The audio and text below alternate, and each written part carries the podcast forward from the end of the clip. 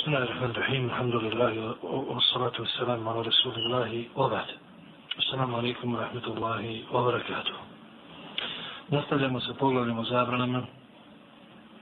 Istigli smo do e, 293. naslova koji govori o zabranu slikanja e, živih bića na platnu, na kamenu, novcu, jastuku i tako dalje kaže imam nevi, e, također o zabrani e, vješanje slike živih bića e, na zid, također da se nalazi na odjeći, turbanu i tako dalje. I o naredbi da se unište takve slike. Znači imam nevi iz njegovog naslova, vidimo ovdje da će nam govoriti o slikama o živih bića, potom o vješanju tih slika na zidove i o propisu u vezi sa slikanjem ti slika na odjeći ili nošenjem na odjeći i tako dalje. Pa da vidimo hadis u vezi s tim koje imam nevi spomenuo. Kaže onda je preneseno od Abdullah ibn Umara radijallahu anhuma da je poslanik sallallahu alaihi wa sallam rekao Inna alladine jasna'una hadihi sur yu'azzabuna yawm al-qiyama yuqalu lahum ahju ma khalaqtum Oni koji prave ove slike, kaže poslanik sallallahu alaihi ve sellem, bit će mučeni na kijametskom danu. Bit će im rečeno, oživite to što ste stvorili. Ovo su nam prenijeli imami Buhari i Muslim. A iša radijallahu anha, kaže nam, kad ime Rasulullah sallallahu alaihi ve sellem min seferin, وقد سترت سهوة لي بقرام فيه تماثيل فلما رآه رسول الله صلى الله عليه وسلم تلون وجهه وقال يا عائشة أشد الناس عذابا عند الله يوم القيامة الذين يضاهون بخلق الله. قالت فقطعناه فجعلنا منه وسادة أو وسادتين. كان ما يشرد الله عنه da jednom prilikom poslanik sallallahu alaihi ve selleme došao a ona je prekrila jedan dio svoje kuće sa zastarom na kojem su bile, bile slike živih bića.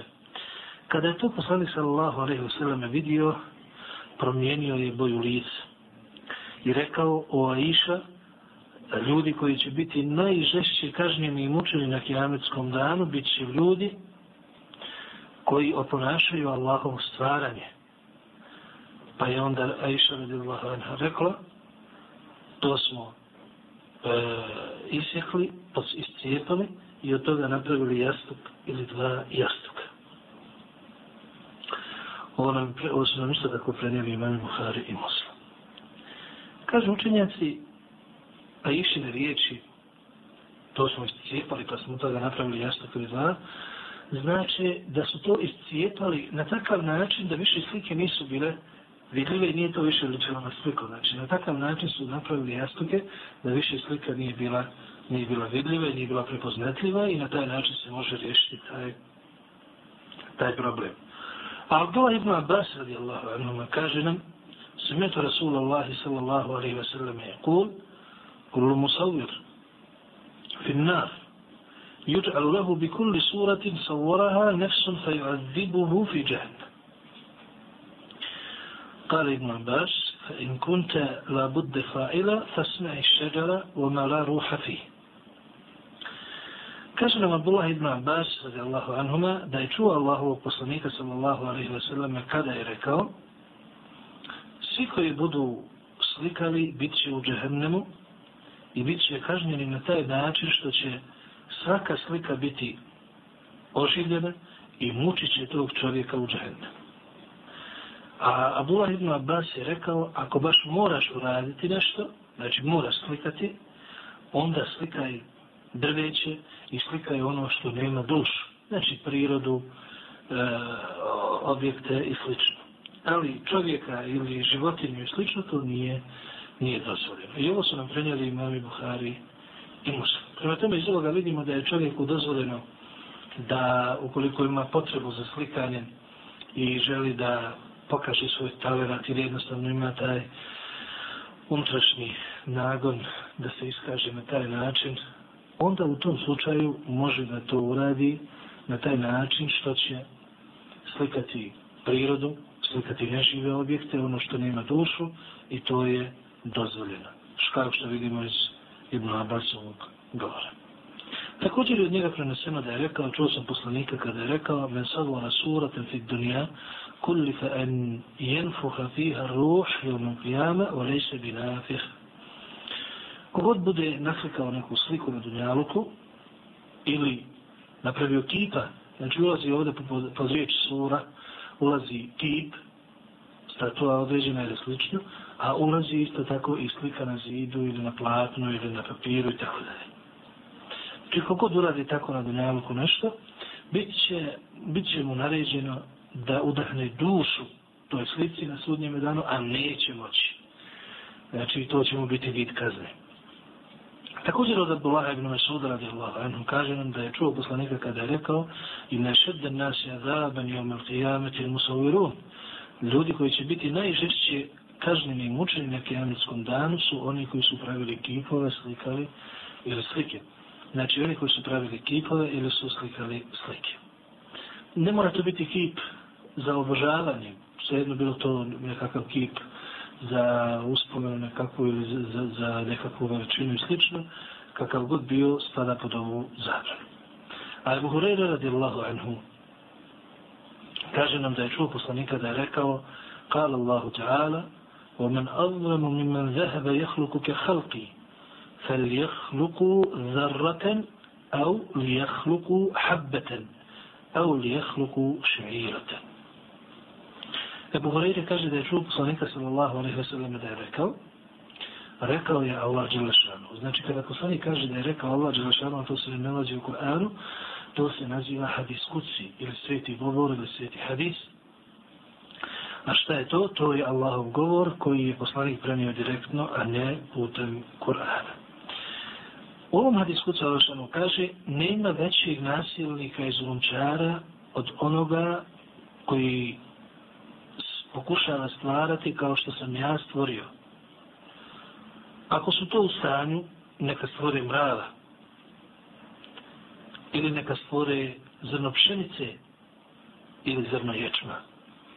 Ovo su nam prenijeli imami Buhari i Muslim.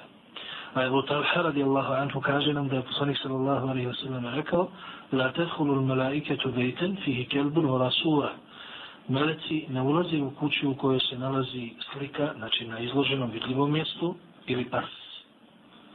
Znači ovaj hadis koji je zabilježio imam Buhari, govori nam o zabrani držanja slika ili vješanja slika o zidove i slika koji imaju dušu, znači ljudi, životinja i slično I o zabrani držanja psa u kući.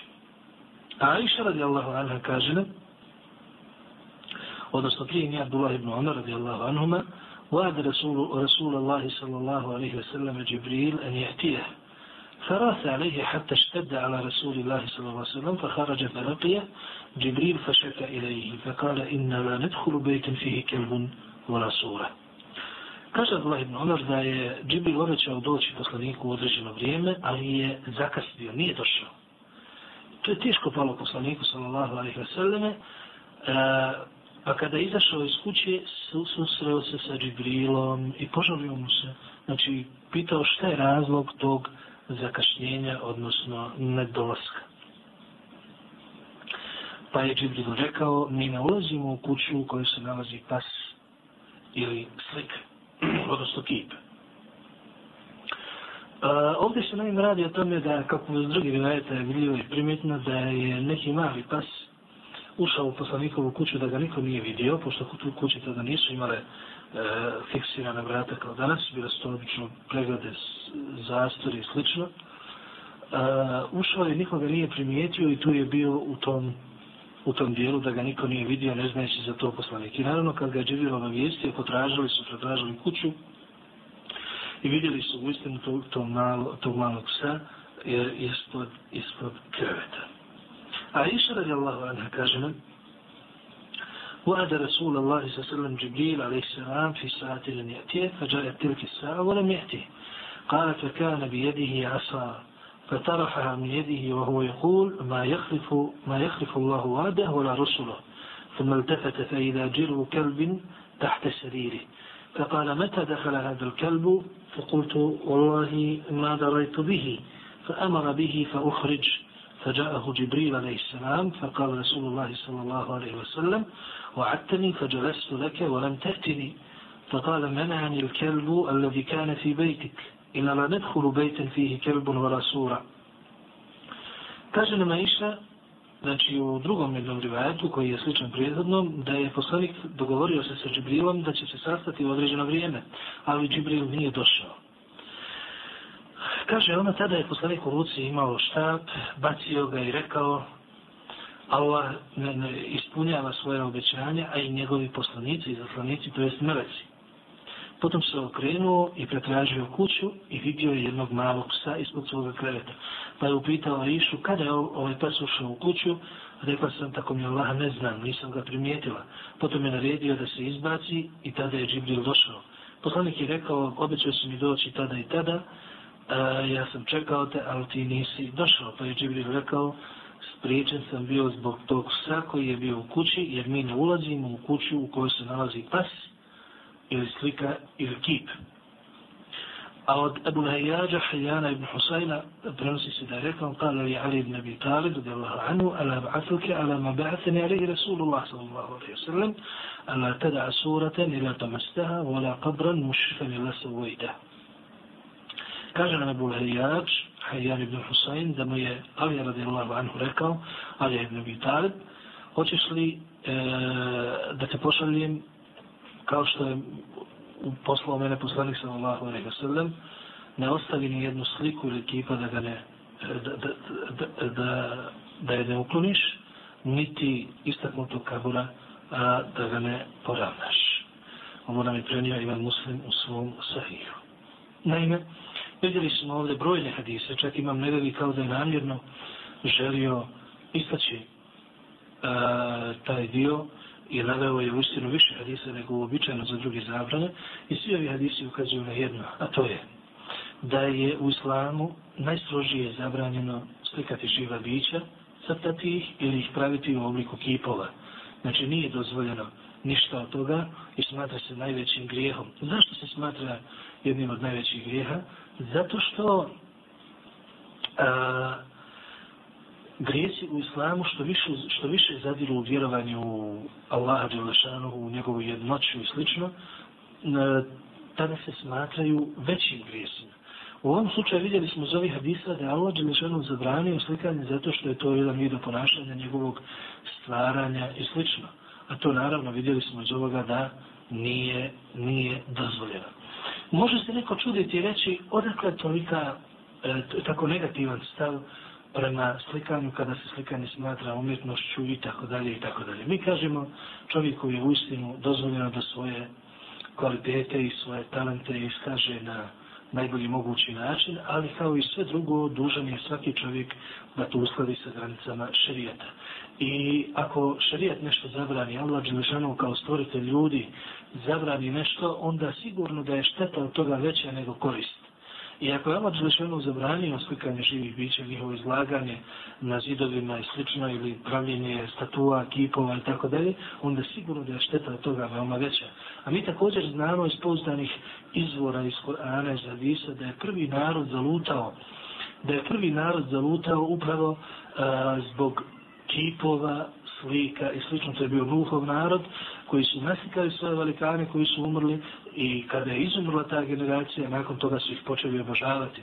Neko može reći i postaviti pitanje, ljudi su tada bili na manjem intelektualnom, kulturnom nivou i slično dalje, mi smo danas postavili neku civilizaciju i tako dalje.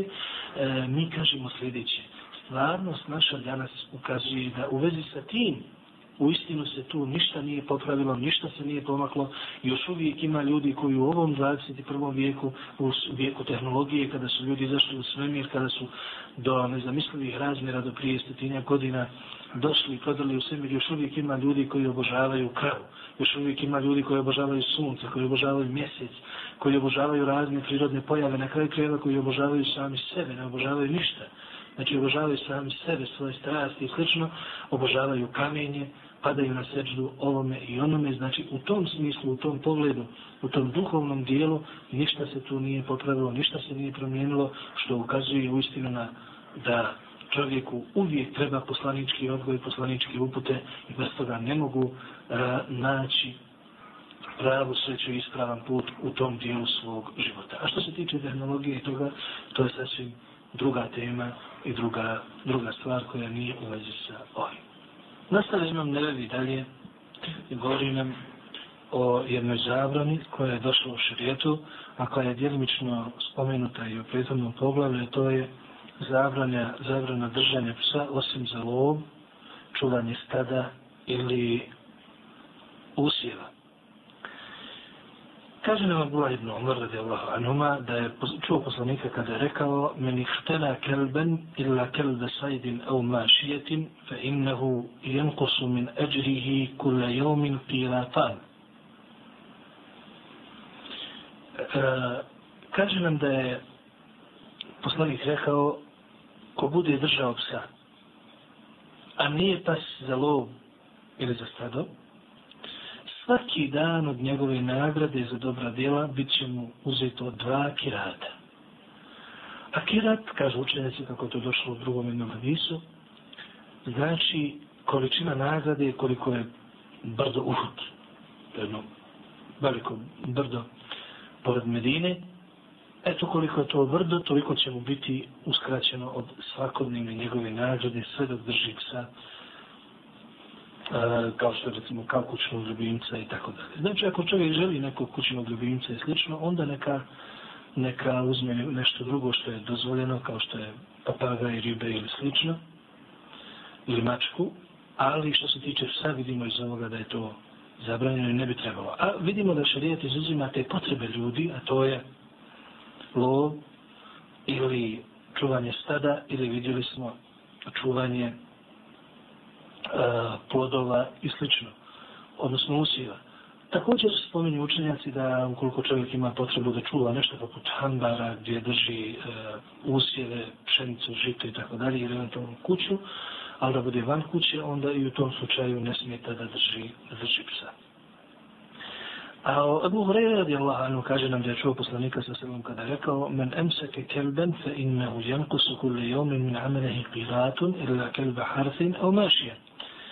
وفي رواية مسلم من ابتنى كلبا ليس بكلب ساد ولا ماشي ولا أرض فإنه ينقص من الزهن قيرتان كل يوم A Ebu Horeira nam kaže da je poslanik sa selem rekao ko bude držao psa, svaki dan će mu od njegovih dijela biti uzimat po jedan kirat, znači to količina jednog velikog brda, osim ako je to pas koji čuva usjeve ili stada. Prema tome i ovaj hadis govori kao i prethodni o zabrani toga. Da je nastavlja imam nevevi i kaže pokuđeno je stavljati zvonce na devu ili na drugu stoku, kao što je to slučaj recimo sa ovcama, vidjeli smo nekad pastire, pa stavljaju neke ovce zvonce da se ne bi izgubili slično. Kaže imam ne vidite je pokuđeno i pokuđeno je biti u društvu sa psom ili da u društvu ima to zvonce prilikom putovanja. Znači, o dva propisa nam imam nevevi govori. Prvi je da se ne stavlja na životinje nikakvo zvonce kao obilježavanje, nego da se neki drugi način to e, riješi. A drugi propis je da na putovanju ne bi trebalo da u društvu, znači ljudi koji putuju bude pas, ili to zvonce upravo. Kaže Buhurire radi Allahanu da je poslanik sa nam rekao La tashabu malaiketu rufqatan fiha kalbun au ras. Meleci nisu u društvu onih ljudi koji na putovanju imaju vode sunca sobom psa ili imaju zvona. Također je od njega preneseno da je poslanik se nam rekao al džerasu me za miru šeitan zvona su šeitanove frule. Ovo nam je zabilježio imam muslim. Dalje kaže imam nevevi pokuđeno je janati životinju koja jede nečistoću a to je deva ili bilo šta ukoliko takva životinja jede nečistoću, onda u tom slučaju treba je očistiti i tada nije pokućeno. Naime, ovdje sada govori imam neveli o jednoj pojavi, a to je nečista životinja ili džalala. Kakva je to životinja? Kaže učenjaci, to je životinja čija je većina obskrbe nečista. Jedina ime svoj izmet ili mrtve životinje, lešine i tako dalje. E, najčešće to dešava se sa kokošima ili slično, ali neka se zna desiti i sa drugim životinjama kao što je dela, kako navode ovdje imam nevevi i slično. Uglavnom, svaka životinja koju inače dozvoljeno jahati, jesti, piti njeno mlijeko, meso i slično, jesti meso i tako dalje, ukoliko većina njene e, prehrane bude nečistoća, rekli smo kao što je izmet ili kao što je e, kao što su lešine i slično, onda u tom slučaju nije nam dozvoljeno takvu životinju jesti, jahati, piti njeno mlijeko, dok je ne prečistimo, a, kažu učenjaci, prečišćavanje će biti tako što će se ona izolovati, onemogućit će se da jede te nečiste stvari i nekoliko dana će se davati isključivo čista hrana da bi se na taj način prečistilo meso, mlijeko i sl. A prije nam je bilo jedno ono radi Allahu anhuma da je poslanik sa sveme zabranio da se jaše na takvoj životinji. Na delama koje koriste koje koriste. To je prenio Ebu Davud sa vjerodostojnim lancem prenosivaca. Dalje nastavlja imam nebevi i kaže nam zabranjeno je pljuvati u džami i naređeno je da pljuvačka se ukloni ukoliko se nađe i inače džamije se moraju čistiti od nečistoća. Naime, da bismo razumjeli ovaj naslov imama nebevi, moramo shvatiti jednu stvar, a to je da džamije prije nisu bile prostrte. Znači nije bilo tepiha, čilima i slično kao što je danas slučaj, nego je to bio pijesak i šljunak i slično. Znači ljudi su ulazili tu u obući i tako dalje. I poslanik Selem je zabranio, jer bi možda zbog takvog stanja džamije e, neko i pljunuo u toku namaza ili prije namaza ili slično, pošto su u džami se bile razne aktivnosti od predavanja, dersova, namaza i inače boravka u džamijama. Vidimo iz ovoga da je posljedno to zabranio strogo i naredio da se to ukloni i da se inače svaki vid nečistoće iz džamije uklonja i da se čuva od toga. Enes radijallahu anhu kaže da je poslanik sa sallam rekao al-busaku fil mešti hati'e o kefaratuha defnuha da plivač, plivati u džami je grijeh, a iskup za to je da se zatrpa u pijesak ili u prašinu. Rekli smo da ovaj hadis možemo razumjeti samo ako znamo da su džamije tada bile neprostrte, bile su tada bio to samo pijesak, prašina i slično, i tada, ali danas kada su džamije sa tepisima i slično, naravno da niko neće, niko neće pljuvati i slično, a naročito da to ostavi pod tepih i tako dalje. Znači to se ne odnosi na ove današnje džamije, nego na priješnje džamije koje su bile na ovaj način e, prostote, odnosno samo pijesku. Zato nam imam nevelji ovdje kaže, والمراد بدفنها إذا كان المشر ترابا أو رملا ونحوه فيواريها تحت ترابه Znači, s ovim se želi, znači, one džamije koje nisu prostrte, koje samo imaju prašinu, pijesak i slično, tada u tom slučaju može to zatrpati. Zbog toga nam kaže Abul Mahasin, Ar-Ruajani, koji je učenjak šafijskog mezeba u svom dijelu Al-Bahar. وقيل المراد بدفنها إخراجها من المسجد أما إذا كان المسجد ملطا أو مجصصا فدلكها عليه بمداس أو بغيره كما يفعله كثير من الجخال فليس ذلك بدفن بل زيادة في الخطيئة وتكثير للقذر في المسجد وعلى من فعل ذلك أن يمسحه بعد ذلك بثوبه أو بيده أو غيره أو يكسله Kaže nam ovaj Arem i učenjak, s ovim se želi reći, znači neki učenjaci kažu da ovo što se kaže ovdje treba zatrpati, ne znači zatrpati pod pjesak, nego ga iznijeti iz džamije. Ali ukoliko bi džamija bila popločana ili stavljen mermer ili nešto slično, kaže ovaj Alim, tada bi e, uklanjanje toga na taj način, nogom i slično, da bilo samo još veće prljanje i to rade samo neznalice. U tom slučaju ne imamo pravo to zatrpavati ili na takav način uklanjati, jer to bi samo bio još veći grijeh i veći zapravljanje, nego tada u tom slučaju dužni smo to obrisati ili oprati na bilo koji način. Tako nam kažu ovi učenjaci, pojašnjavajući propis ovog hadisa.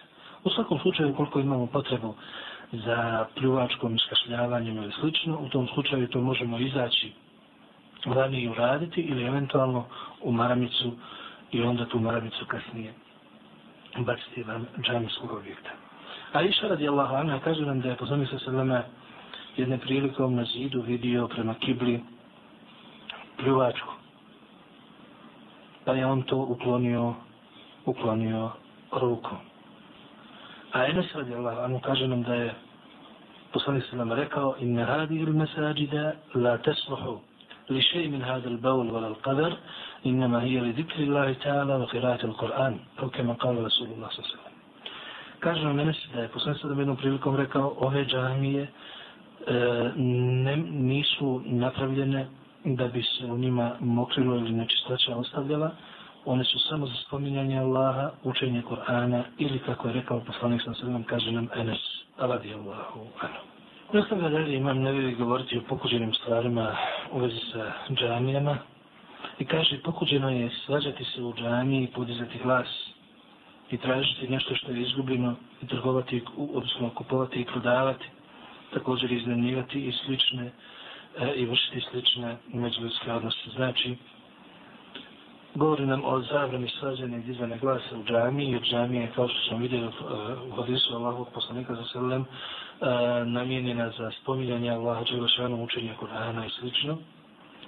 A, dalje, zabranjeno je tražiti izgubljenu stvar u džami, nego to treba oglasiti van džami, ako nešto neko je izgubio i slično dalje zabranjeno je kupovati i, i prodavati u džami, iznanivati i drug sličan izvrske odnose. Nažalost, ova pojava je česta u našim džamijama, da se događa da su recimo novine, knjige ili kasete ili nešto izloženo u džamiji. Vidimo iz ovih, vidjet ćemo naime, iz vjerodosanje hadisa da je to zabranjeno, nego, nego to treba van džamije ili u hodniku ili slično koji se ne smatra dijelom džamije, e, gdje, koji je namijen za ibadet, e, može se na tim mjestima to naime raditi. A unutar ne. Kaže nam Ebu Huriri radijallahu anhu, da je čuo poslanika kada je rekao men semi a ređulen jenšutu daleten fil mešćidi fel jakul la raddeha Allahu alaik fa inna al mesađde lem tubne li hada. Ko čuje nekoga da u džaniji traži izgubljenu stvar ili životinju, neka mu kaže, neka ti Allah ne vrati nikada. Jer džamije nisu zbog toga napravljene. Ovo nam je prenio iman muslim. Također je od Ebu Horeiri preneseno da je poslanik sallam rekao i da ra'ajtu men je bi'a au jebta'a fil mešćidi fa kulu la arbaha Allahu tijaratik Wa idha ra'aytu man yashhudu dallatan faqulu la raddaha Allahu alayk kada vidite nekoga da prodaje ili kupuje u džani, recite mu neka ti Allah ne dadne nikakve koristi od toga, od te trgovine. Jer, ili kada vidite nekoga da traži izgubljenu životinju ili stvar, recite mu neka ti Allah nikada ne vrati. Ovo nam je prenio imam Tirmizi i kaže da je hadis Hasan dobar. A Burejd radi Allah anhu kaže nam da je neki čovjek e, povikao da je nešto izgubio u džami. Pa je poslanik sallam rekao, men da'a ila al-jamal il-ahmar, fa kala sallam, la wajet innama bunijet il mesađidu lima bunijet lehu. Znači čovjek je povika u džami i rekao, a, izgubio sam jednu crvenu devu, ili ko će potražiti jednu crvenu devu, pa je poslanik sallam rekao, e, da Bog da je ne našao ili neke ne nađeš, jer džamije su, nisu zagrađene za to, one su sagrađene za ono što su sagrađene, kaže poslanik za srlame, u hadisu koji je zabilježio ime muslim. A Amr ibn Šuaib prenosi od svoga oca, od svoga djeda, da je poslanik za zabranio kupo prodaju u džami i da se traži izgubljena životinja ili stvar i da se pjevaju pjesme u džami. Znači da se pjevaju kad se ide pjesništvo i tako dalje, što je bio znači običaj Arapa u to vrijeme, sve to zabranjeno po sunnom ovom hadisu koji inače zabilježio Ebu Davud u svom sunnenu i Tirmizi u svom sunnenu i rekao da je hadis Hasan, to jest dobar. A Sa'id ibn Jezid e, Ashab Allahov poslanika sallallahu alaihi wasallam je rekao kuntu fil mešćidi fa hasadani ređul fa nadartu fa ila Umar ibn al-Khattab radijallahu anhu bi kal idhab fa'tini bi hadain فجئته بهما فقال من أين أنتما؟ فقال من أهل الطائف. فقال لو كنتما من أهل البلد لأوجعتكما ترفعان أسواتكما في مسجد رسول الله صلى الله عليه وسلم. Kaže nam Sajid ibn Zid da je dok je bio jednom prilikom u nekoga, nekoga je pogodio malim kamenčićima. Pa kad sam pogledao ko je, vidio sam da je to Omer ibn Khattab. Rekao mi je, idi i dovedi mi onu dvojicu. Naime, bila su dvojica ljudi u drugom kraju džamije. Ja sam ih doveo pa im je rekao, odakle ste vas dvojica? A rekli su, mi smo iz Taifa, iz udaljenog mjesta od Medine. A rekao je, da ste iz Medine, sad bih naredio da vas kazne. Zar vi da dižete glas u džami Allahovog poslanika sallallahu alaihi wa sallam, naime podižete ton, prepirete se slično, to ne može biti. To je doliko je u džami Allahovog poslanika sallallahu alaihi wa sallam. Ovo nam je zabilježio imam Buhari. Znači, svi ovi hadisi, kao što smo vidjeli, ukazuju na pokuđenost, zabranu tih postupaka. U našim džamijama od svega toga rašireno je najviše tako po prodaja koja se nalazi u dosta džamija unutar, trebalo bi to riješiti na jedan fin način, možda tako što će se izložiti te određena roba kao što su knjige, kasete, novine i slično, izložiti se u hodnicima, iz, znači u dijelovima koji se ne smatraju sastavnim dijelom džamije koji je pripremljen za ibadet. Ali da se prodaje tim mjestima u tom slučaju ne bi, ne bi trebalo. Ponekad se najme dešavaju i rasprave, e, svađa unutar džamije što je rijeđe, ali vidimo iz ovih hadisa da i to treba izbjegavati, jer džamije su mjesta i baleta gdje ljudi treba biti skrušeni, gdje treba svi doći samo da bi ponizni stajali i bili pred gospodarom svjetova. Nastavlja imam nevevi sa pokuđenim stvarima i zabranama u vezi sa džamijama, pa kaže, poslanik je zabranio da se jede crveni i bijeli luk ili prazluk, prasa, ili nešto slično što ima e, neugodan miris, zabranio je da se to radi prije ulaska u džamiju, odnosno ko jede e, te biljke, ne bi trebao ulaziti u džamiju prije nego što nestane tog neugodnog mirisa. Osim ako je to možda, kaže imam ga gdje. Kaže nam to Ibn Omar radi Allah anhuma da je poslanik sa sallam rekao men ekele min hadihi šeđara jani seun, jani seun, fela je krabenne mešđidena. Ko bude jeo ovu biljku, to jest bijeli luk, neka se ne približava našim džamijama.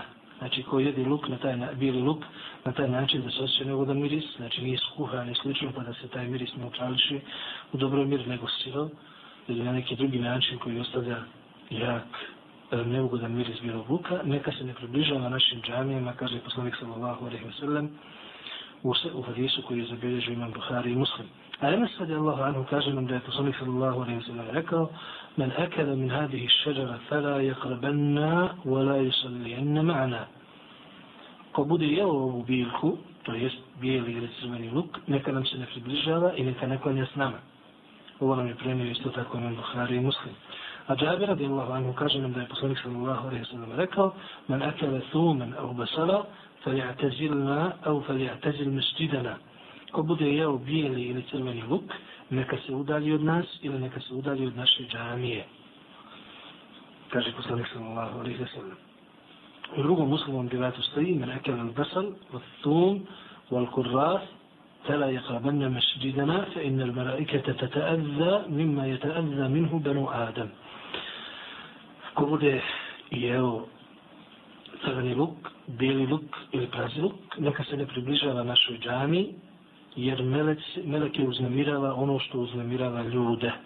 Znači ovo je ovdje je pojašnjen razlog zabrane, a to je uznemiravanje klanjača ljudi s jedne strane, a isto tako uznemiravanje meleka koji dolaze i prisustuju namazima u džamatu. Abdullah ibn Omer, Abdullah, e, Omer ibn Khattab naime, kaže nam da je jednom prilikom on držeći džumu rekao između ostalog na hutbi ثم إنكم أيها الناس تأكلون شجرتين ما أراهما إلا خبيثتين البصل والثوم لقد رأيت رسول الله صلى الله عليه وسلم إذا وجد ريحهما من الرجل في المسجد أمر به فأخرج إلى البقية فمن أكلهما فليمتهما طبخا Kaže nam Omar, o ljudi, vidim da jedete crveni i bijeli luk. Dvije biljke koje su neugodno mirisa. Ja sam vidio Allahu poslanika sallallahu alaihi ve sellem da je postupao na sljedeći način sa onima koji su jeli crveni ili bijeli luk. Kada bi u džamiji osjetio neugodan miris njihov ili kod nekog čovjeka, naredio bi da izađe iz džamije i da se da ode do Bekija, to je jedno groblje koje je bilo e, medijsko groblje koje je bilo mm, malo udaljeno od džamije, nije mnogo. Pa ko želi jesti te dvije biljke, kaže Omer, neka njihov miris ne utrališe kuhanjem. Znači neka iskuha i slično. Iz ovih hadisa mi zaključujemo da ovi hadisi nas uče da ne bismo prije džamije trebali jesti crveni, bijeli ili bijeli rok ili prasu i slično, druge neke biljke jakih, neugodnih mirisa, zato što uznemiravaju klanjače i uznemiravaju meleke, kao što smo vidjeli iz ovih hadisa. Na osnovu ovoga, kažu naši učenjaci, ulazi sve što ima neugodan miris i uznemirava klanjače. Od tih neugodnih mirisa, kažu učenjaci, uh, ubraja se i miris duhana, miris cigareta, ili neugodan miris inače iz usta zadah neugodan zbog promjene nekakve, zbog spavanja, slično našto na zabavi i tako dalje. Znači, ne bi trebao čovjek sa tim neugodnim mirisima da dolazi u. Također, od neugodnih mirisa spadaju neugodni mirisi čarapa, ukoliko se koristi našto u ljetnim danima, slično. Ili neugodni mirisi odjeće, ukoliko čovjek radi na nekakvom mjestu gdje, su, gdje dim, paljevina i slično, kao što su recimo željezara ili radi na njivi nešto sa sa tim, sa gumom i tako dalje. U svakom slučaju, učenjaci analogno ovim neugodnim mirisima priključili su sve neugodne mirise koji mogu, koji mogu znači, uznemiravati klanjače, a i meleke, kako smo vidjeli iz ovog hadisa. I takvi ljudi, ukoliko se naći u takvoj situaciji, ne bi trebali dolaziti na namaz u žematu, nego bi trebali klanjati sami, kako ne bi uznemiravali druge. Dalje nastavlja imam E, ne govoriti o pokuđenim stvarima u vezi sa džamijom, pa kaže, pokuđeno je na džumi, dok imam drži hudbu, e, sjediti u položaju koji čovjeka uspavljuje. Pa na taj način ne čuje hudbu ili može izgubiti abdest. Prenesene od Mozer Nenesa Al-đuhanija, radijallahu anhu, da je poslanik Sallame zabranio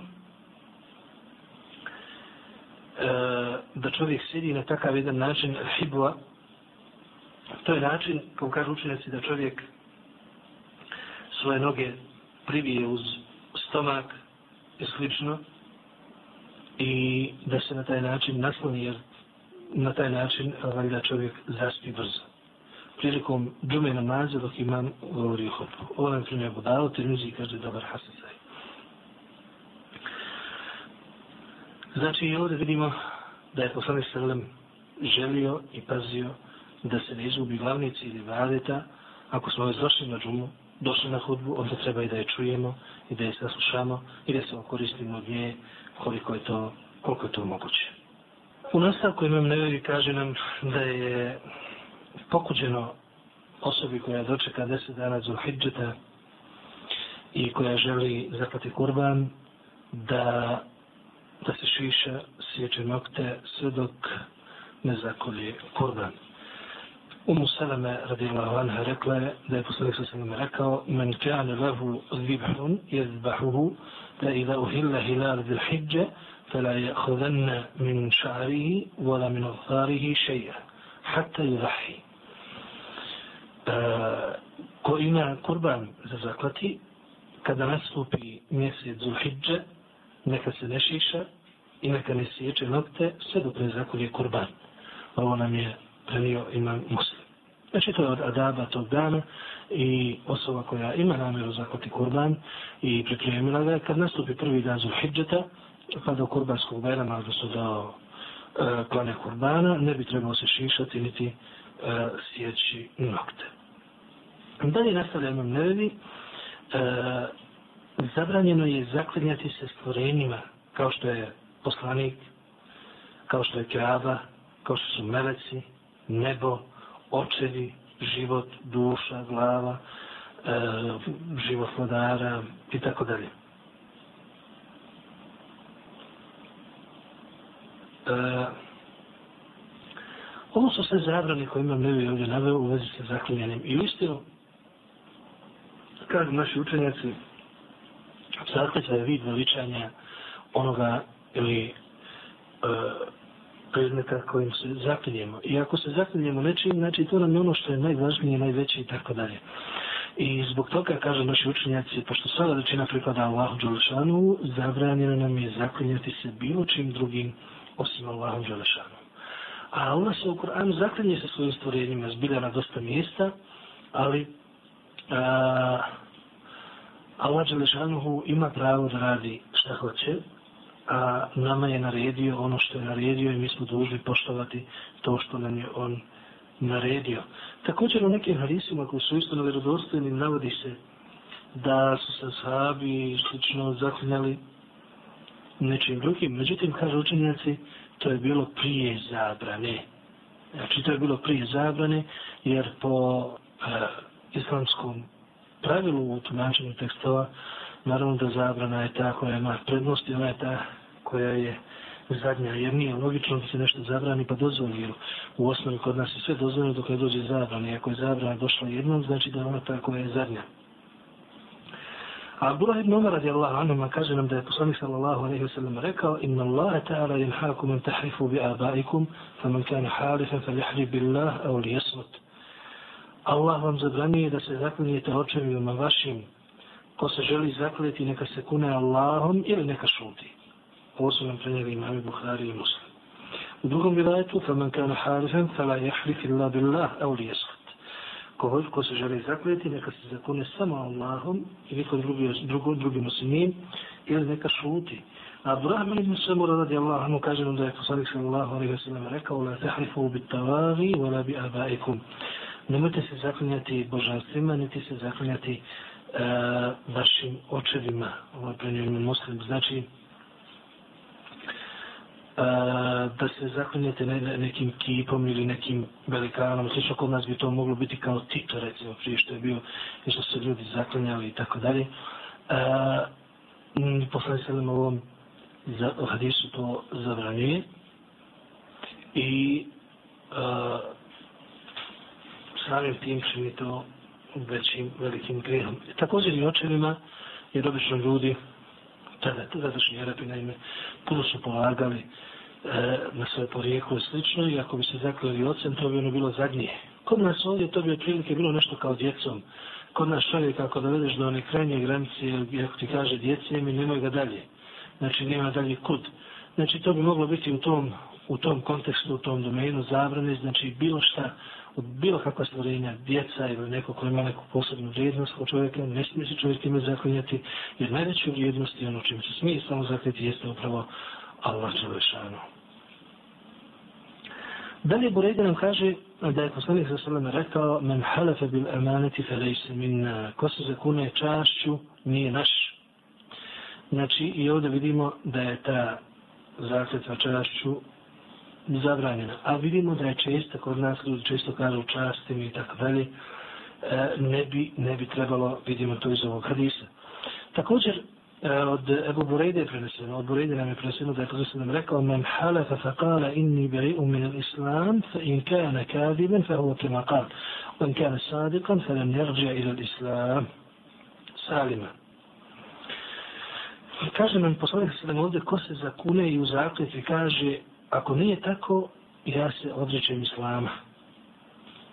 Znači, zakljeti, želeći tako potvrditi svoju zakljetu, ako nije tako, nisam više musliman. Ili ne bio ja musliman, i tako nekako, ili u tom nekom kontekstu, u tom smislu, kaže Prosilem, ako je slago, znači lažno se slago, on je takav kakav je rekao. Znači, nema ništa sa islamom. A ako je iskren bio, ne može se vratiti u islam, a da bude čist potpuno, znači da nema nikakvih posljedica zbog te svoje zakljece. U svakom slučaju, ovaj hadis koji je primjer Budavu da su učinjeni, za koji učenjaci kaže da dobrog seneda, do, dobrog lanca prenoslasa, vidimo da nam govori da ne bismo trebali koristiti tako teške riječi u zakljecama. Abdullah ibn Umar radijallahu anhu kaže nam da je čuo čovjeka kada je rekao la vol kada. قال ابن عمر لا تحلف بغير الله إني سمعت رسول الله صلى الله عليه وسلم يقول من حلف بغير الله فقد كفر أو أشرك رواه الترمذي وقال حديث حسن kaže nam Abdullah ibn Umar da je čuo nekog čovjeka kao kaže ne tako mi kjave. Znači ko što kod nas kažu kjave mi slično. Kaže Abdullah ibn Umar nemoj da se zaklinješ bilo čime osim Allahom. Jer čuo sam poslanika sallallahu alaihi sallam kada je rekao ko se zakune nečim drugim osim Allahom počinio je već dijelo koje je kufur ili širk. Kaže imam nevedi, Ulema je to protumačena i rekla, to jest veliki grijeh, s tim što se željelo istaći koliko je to veliki grijeh da spada u te dijelove e, da bi se ljudi okranili toga. Znači to su sve, vidimo ove hadise koji ukazuju na zabranu zaklanjanja bilo čim osim Allahom Đelešanu i treba znati da je to veći grijeh čak kako kažu učenci od pijenja alkohola, čak i od bluda i slično. Znači grijeh od toga nije mali i ne treba to olahko shvatati to što se on čini jezikom i što ga olahko ljudi shvataju što su navikli na njega, to ga ne čini manjim nego što on jeste. Da se vune u hajine na huvend Allahe alim, mi to smazate malim, to je kod Allaha veliko, kaže Alšanu, znači postoji djela koja ljudi olahko prihvataju i shvataju zato što su naviknuti na ta djela i zbog toga drže da su ta djela mala, ali nije to tako. Ovo što je kod Allaha veliki grijeh, on ostaje veliki grijeh. A rekli smo da je mali širk kao što je ovdje slučaj zaklinjanja nečim drugim, osim Allahu Želešanu, veći od velikih grijeha. Znači, to su tako sahabi shvatili, tako su se ponašali. Prema tome, treba voditi računa o tome da se ne zaklinje čovjek osim Allahom Đelšanu, a nekada kaže učenjaci, ako čovjek uistinu u svom srcu, kada želi da se zakune i ne može naći ništa veće u svom srcu osim onoga čime se zakleo od stvorenja, kao što je djece slično, može čak biti i veliki šir za čovjeka na uzbilaz izvede skroz, izrobovanja Allahu Đelešanu da mu poništi prethodno počinjene djela. Zato trebamo voditi računa i učiti u našoj vjeri da bismo svoj jezik doveli u okvire koje je Allah propisao, jer poslan se me kaže ko mi garantuje čistotu svog jezika i čistotu svog spolnog organa, ja mu garantujem džennet. Dalje kaže imam nevevi e, govoreći o zabranama u vezi sa vlažnim zakletama namjernim i kaže nam da je strogo zabranjeno lažno se zaklinjati. Kaže nam Abdullah ibn Mas'ud radijallahu anhu da je poslanik sallallahu alaihi wa sallam rekao Men halafa ala mali mri'in muslimin bi gajri haqqi لقي الله وهو عليه غضبان قال ثم قرأ علينا رسول الله صلى الله عليه وسلم مصداقه من كتاب الله عز وجل إن الذين يشترون بعهد الله وإيمانهم ثمنا قليلا ila ahir il aje mutefakun alej. Kaže nam dole Mesuda je poslanik sallallahu alaihi sallam rekao ko se zakune da presvajajući metak drugog čovjeka, drugog muslimana, bespravno, lažno, znači zakune se lažno da bi prisvojio tuđi metak, sreće se sa Allahom nakon smrti, a Allah će na njega biti ljud. Potom je poslanik sallallahu alejhi ve selleme proučio ajet koji potvrđuje to što je rekao innal ladina yashtaruna bi ahdi Allahi wa aymanihim thamanan qalila. Uistinu oni koji kupuju Allahovim znači ugovorom datim sa Allahovim imenom i svojim važnim zakletama nešto što malo vrijedi, pa do kraja ajeta poslanik sallallahu alejhi ve selleme to proučio ajetu kojim se prijeti onima koji na taj način prisvajaju neka dunjalučka dobra, znači mlažnim zaklitom i davanjem garancija sa Allahovim imenom. Ovo su nam prenijeli imami Buhari i imam Muslim.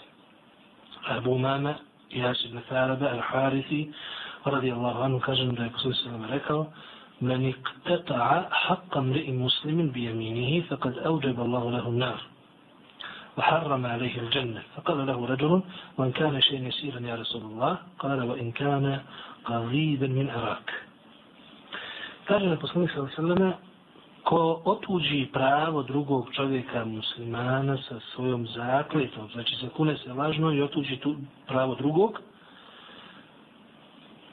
on je sebi zagarantovao ulazak u džennet. U džennet. I zabranjen mu je ulazak u džennet. Neki čovjek reče, a šta ako to bude nešto sitno Allahov poslanič, ako to bude nešto malo, Poslanik je rekao, makar to bila i grančica raka. Rak, to je drvo, to je raste u pustini i koje svako može doći sjeći, koristilo se to za mislak, za četkice kojima se čisti zubi. Znači, makar to bilo tako nešto beznačajno do čega svako može doći, ako je to njegovo pravo, onda nema pravo da mu se otuči. I da takvog čovjeka odnosi se ovakva prijetnja.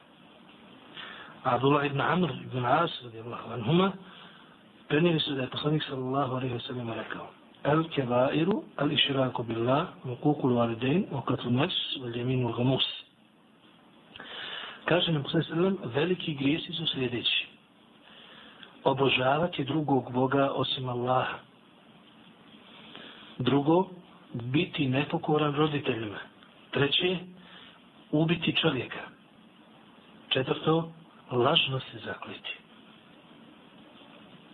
U drugom rivajetu stoji أن عربيا جاء إلى النبي صلى الله عليه وسلم فقال يا رسول الله ما الكبائر قال الإشراك بالله قال ثم ماذا قال اليمين الغموس قلت وما اليمين الغموس قال الذي يقتطع مال امرئ مسلم يعني بيمين وهو فيها كاذب U drugom rivajetu stoji da je neki beduin došao kod poslanika sa selama i rekao Allahu poslaniče šta su to veliki grijesi, koji su veliki grijesi? Poslanik je rekao obožavanje drugih bogova osim Allaha. Čovjek je prvo pitao, a koji potom? Rekao je lažna zakljetva. Zakljetva koja se zove gamus. Pa je čovjek upitao, a šta je to zakljetva gamusa, Allahu poslaniče? Rekao je, to je zakljetva kojom se otuđuje i prisvaja pravo tuđe drugog čovjeka muslimana. Znači, tu nam poslanik za sveme pojašnjava šta znači e, lažna, lažna zakljetva. Inače, kažu naši učenjaci, zakljetve imamo tri vrste. Istinita zakljetva, znači čovjek se zakuna zbog istine i slično, u tom slučaju to je u redu. Druga vrsta zakljetve je zakljetva koja je lažna, namjerno i kojom oduzimamo, tuđemo prava drugog čovjeka. To je ova zakljetva koja, kojom se prijeti ovdje i koja je nazvana gamus, zato što čovjeka povlači sa sobom u džehennem. Jer gamus inače znači onaj koji povlači sa sobom nekoga u dubine neke. Treća vrsta zakletve je zakletva greškom, to jest čovjek se zakune ne namjerno, ne željevši time da potvrdi neko posebno značenje, nego čisto onako to bude na jeziku, kao što recimo čovjek u svom govoru kaže jest Boga mi, tako je Boga mi i tako dalje. To su zakletve koje se ne uzimaju u obzir i za koje ne treba davati iskup, niti se one uzimaju u obzir u, u, obzir u šarijetskim propisima, kao što to Allah kaže, Allah vas neće koriti i neće vam zazluzeti ako se ne namjerno zakonete. La yuahidukum Allahu bil lagwi fi aymanikum. Neće vas Allah zbog takvih zakletvi koriti